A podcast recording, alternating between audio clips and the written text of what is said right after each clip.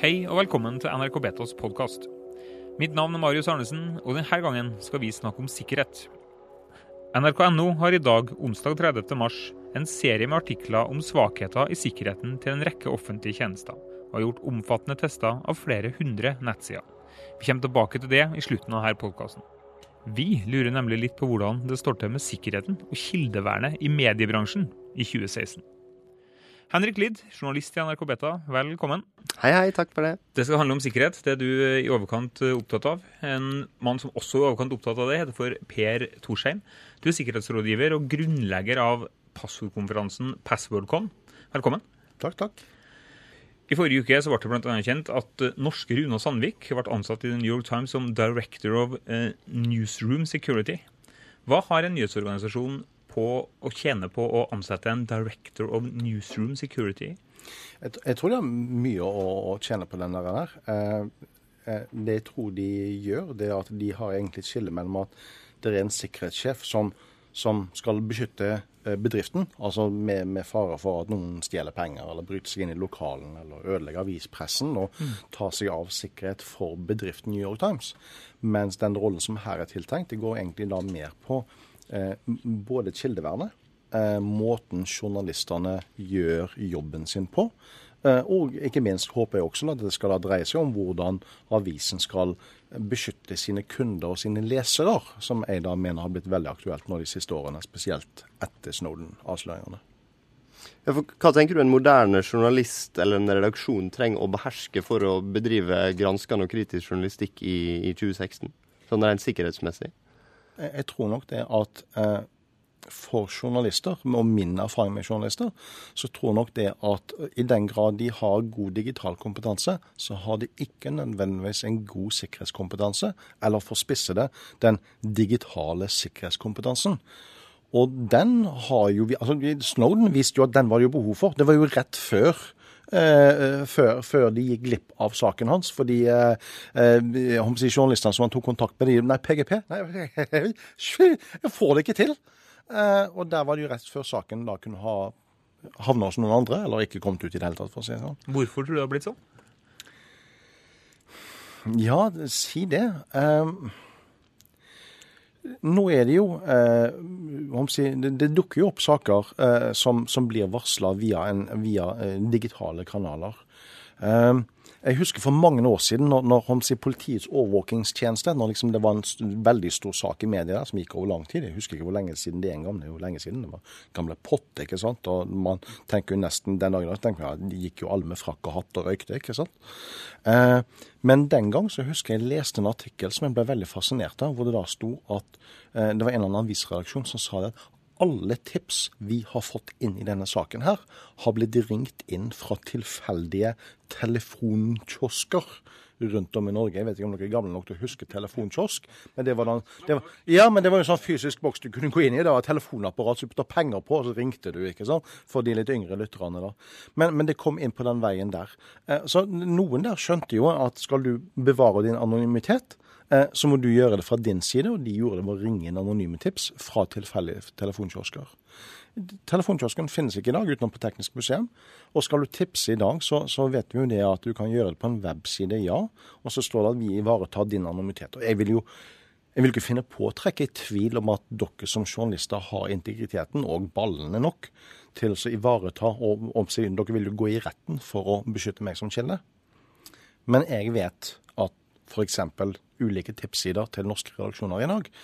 Der brukes det ikke kryptering av informasjonen jeg overfører. Så hvis jeg sitter på kafé eller en flyplass og bruker nettverket til Avinor, eller om jeg sitter på skolen, eller ja, om jeg sitter hjemme og naboen lytter på mitt trådløse nettverk, så kan de i hvert fall teknisk sett være i stand til å plukke opp hva, hvilke tips jeg gir inn til NRK eller til VG eller hvem det måtte være jeg gir det tipset til. Og da er jo spørsmålet hva er det tips om? Og er tipset om noe veldig alvorlig, så vil jeg faktisk sette veldig stor pris på at naboen og ingen andre skal klare å plukke opp det tipset. For vi i NRK Beta vi har jo satt opp Secure Drop, som er en relativt sikker tipsløsning som går over Tor-nettverket. Jeg husker godt en samtale jeg hadde med, med en kollega i en avdeling. Når vi snakka om å sette opp den, så, så sa vedkommende, som en gang sånn gammel ringrev i bransjen sa at ja, men Henrik, hvis du får et ordentlig tips, så får du ikke det på internett. Da får du det på en Post-It-lapp som blir klistra på ruta på bilen din når du skal gå fra jobb. Men i etterkant av at vi satte opp den SecureDrop-portalen, så har vi fått inn ganske mange reelle tips der. Men vi har jo ikke da tatt det så veldig Selve SecureDrop-portalen har ikke vi tatt så stort ut i NRK. Den er på en måte vår sin. Vi eier den portalen. Men hva, bør den, hva, hva kompetanse bør den generelle journalist sitte på for å operere på en slik måte i 2016 og kunne ta imot tips sikkert fra publikum, tenker du? Eh, journalistene må nok ha eh, et, et minimum kompetanse på å kunne bruke eh, mer enn én. La oss si at, vi, at, at, en journalist bør ha en god kjennskap til to-tre ulike verktøy, i hvert fall, for kryptert post, kryptert melding, kryptert telefonsamtale, eh, som en sånn absolutt minimum. Eh, det ene er jo å ha den tekniske kompetansen. En annen ting er jo på en måte å hva si, Eh, for deres egen del å liksom annonsere at dere, det er mulig å få kontakt med dere via en digital kanal, hvor du på en måte kan si at sikkerheten er god, eller noenlunde god. Noen andre sier han er veldig god. Um, og, og, der er det jo, um, syns jo jeg personlig, da, der er det jo stor mangel på norske journalister.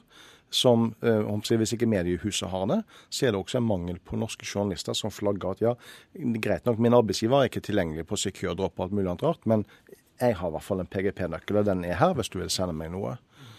Jeg tenker også når, når Scoop gikk av stabelen i fjor, så var jo Runa Sandvik en av eh, foredragsholderne og skulle holde et foredrag om digital sikkerhet, Tor-nettverket, litt i den leia. Mm. Da var oppslutninga veldig dårlig på det kurset. Det kan ha noe med at det var lagt lørdagen klokka ni på morgenen. Mm. Men jeg, jeg, kjenner meg litt igjen i det når jeg snakker med journalister rundt om i bransjen. så så er ikke interessen der så mye. De ser på det som fryktelig komplisert, vanskelig. Med en gang du nevner PGP f.eks., så, så mm. er det ingen som, som, er interessert i å lytte. Hvorfor er det sånn? Er det så komplisert? Er det for vanskelig for folk? Eh, det som, som, som, Før du er blitt ekspert på Rubiks kube, så er Rubiks kube forferdelig vanskelig å løse. Jeg sliter fortsatt, og det er mange år siden han kom. Eh, men jeg er en av de som holder foredrag om, som sikkerhetsperson, så holder jeg foredrag om et problem som vi sikkerhetsfolk har. Til at vi gjør jo ting så forbaska vanskelig. Og vi evner jo ikke å forstå at andre mennesker kan ha andre interesser enn bare sikkerhet. Så, og Det er jo en fordel. Vi kan, kunne jo tilpasse oss litt til det sånn at istedenfor å si du skal gjøre følgende, så kan vi heller spørre hva kan vi hjelpe deg med. Det er ikke så mange sikkerhetsfolk som gjør, for å være helt ærlig.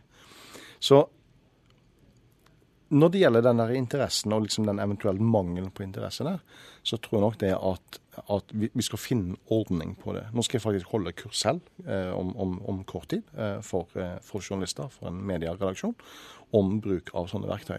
Og Litt av det jeg vil da legge vekt på, da, det er jo det at noe som jeg også prata med Rune om.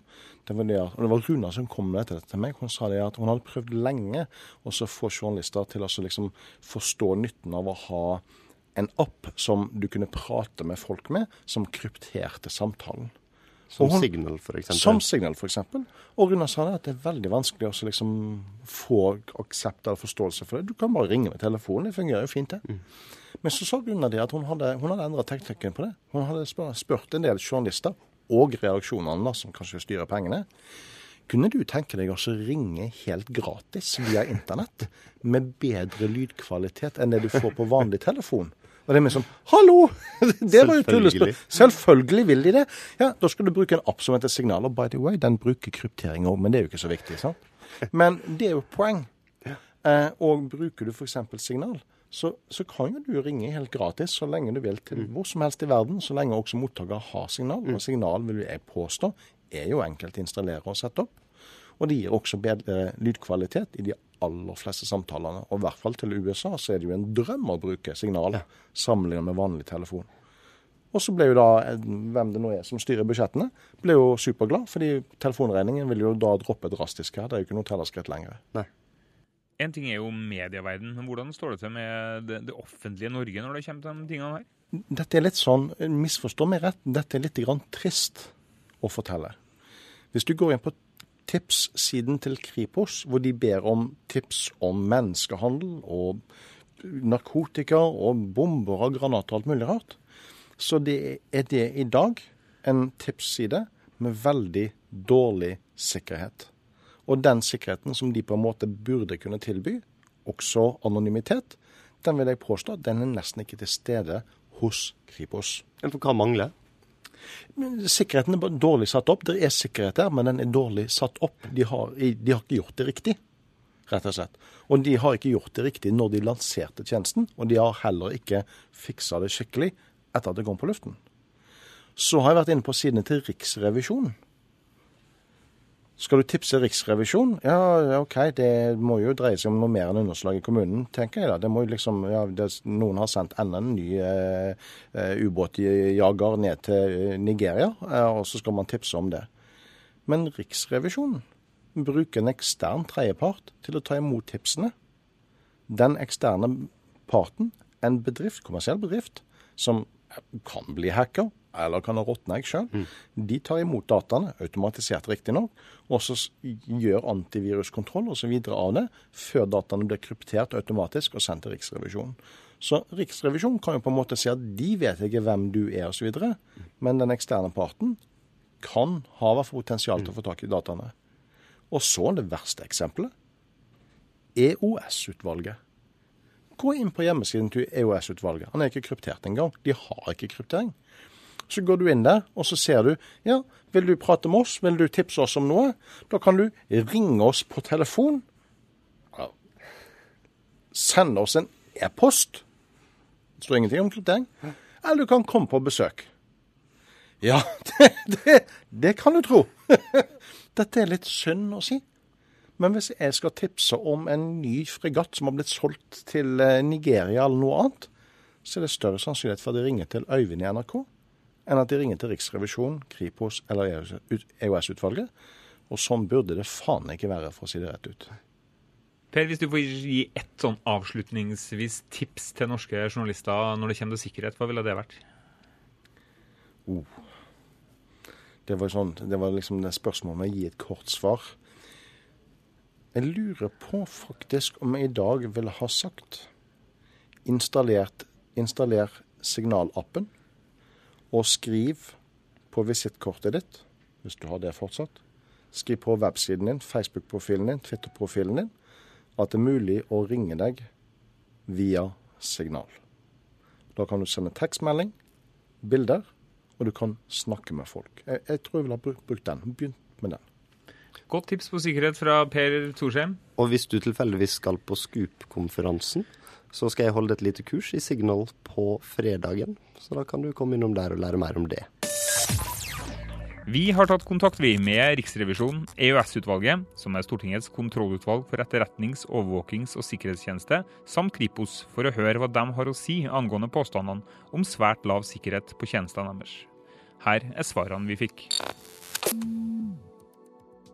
Henrik Magnusson sekretariatsleder i EØS-utvalget sier følgende til NRK Beta. EOS-utvalget er svært opptatt av informasjonssikkerhet når det gjelder behandling av opplysninger ved kontrollen av EOS-tjenestene. Utvalget kan forsikre NRK om at sensitive og sikkerhetsgraderte opplysninger alltid behandles på et informasjonssystem som ikke har noen forbindelse til internett. EOS-utvalget ser at sikkerheten på utvalgets nettside er for dårlig, og setter pris på at NRK retter oppmerksomheten mot dette. Rett etter NRKs henvendelse ble mottatt i går, tok utvalget kontakt på flere nivåer med leverandørene av nettsiden. De jobber nå med å sikre nettsidene bedre, og har overfor utvalget antyda at det kan være en sikrere løsning på plass allerede i dag. EOS-utvalget vil også se på om det finnes sikrere løsninger for å ta kontakt med utvalget og etablere en tipsfunksjon som både ivaretar hensynet til anonymitet og til beskyttelse av sensitiv informasjon. Visse typer sensitiv informasjon, bl.a. sikkerhetsgradert informasjon, kan aldri sendes over internett. Dette må sendes til utvalget per e-post på egnet måte, eller overleveres personlig. Aksel Wilhelm Due, kommunikasjonsrådgiver i Kripos, sier følgende.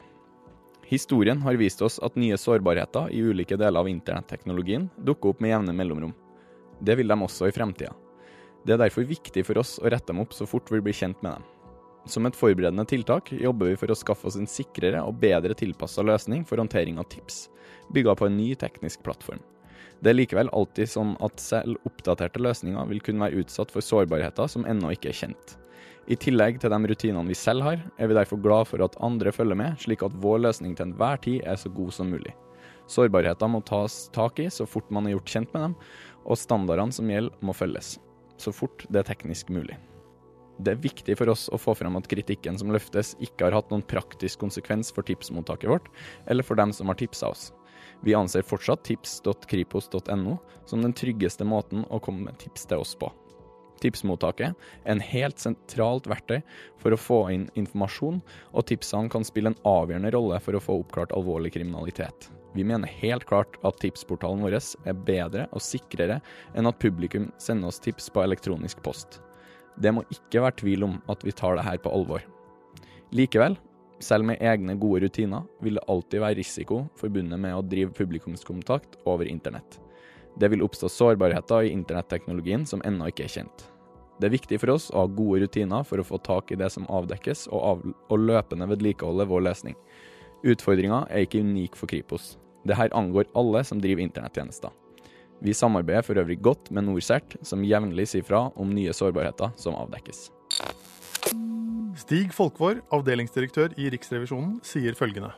Riksrevisjonen bruker ekstern leverandør for mottak av tips. Hovedgrunnen for dette valget var høy oppetid, høy sikkerhet i løsningen og anonymitet for tipser. Løsningen er ende-til-ende kryptert fra tips er mottatt hos leverandøren frem til Riksrevisjonen. Nasjonal sikkerhetsmyndighet, NSM, har gjort en sikkerhetsvurdering av leverandørens løsning. Formålet med vurderingen var å undersøke om uvedkommende kunne få uautorisert tilgang til systemet eller innsendte besvarelser. Metodene som ble brukt ved testingen var hackerangrep fra utsiden og utro tjener fra innsiden av systemet.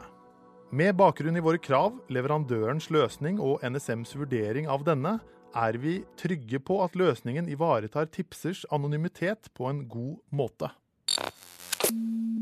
Henrik Lid, Per Torsheim, tusen takk for at dere kom til NRK Betas podkast for denne lille sikkerhetspraten.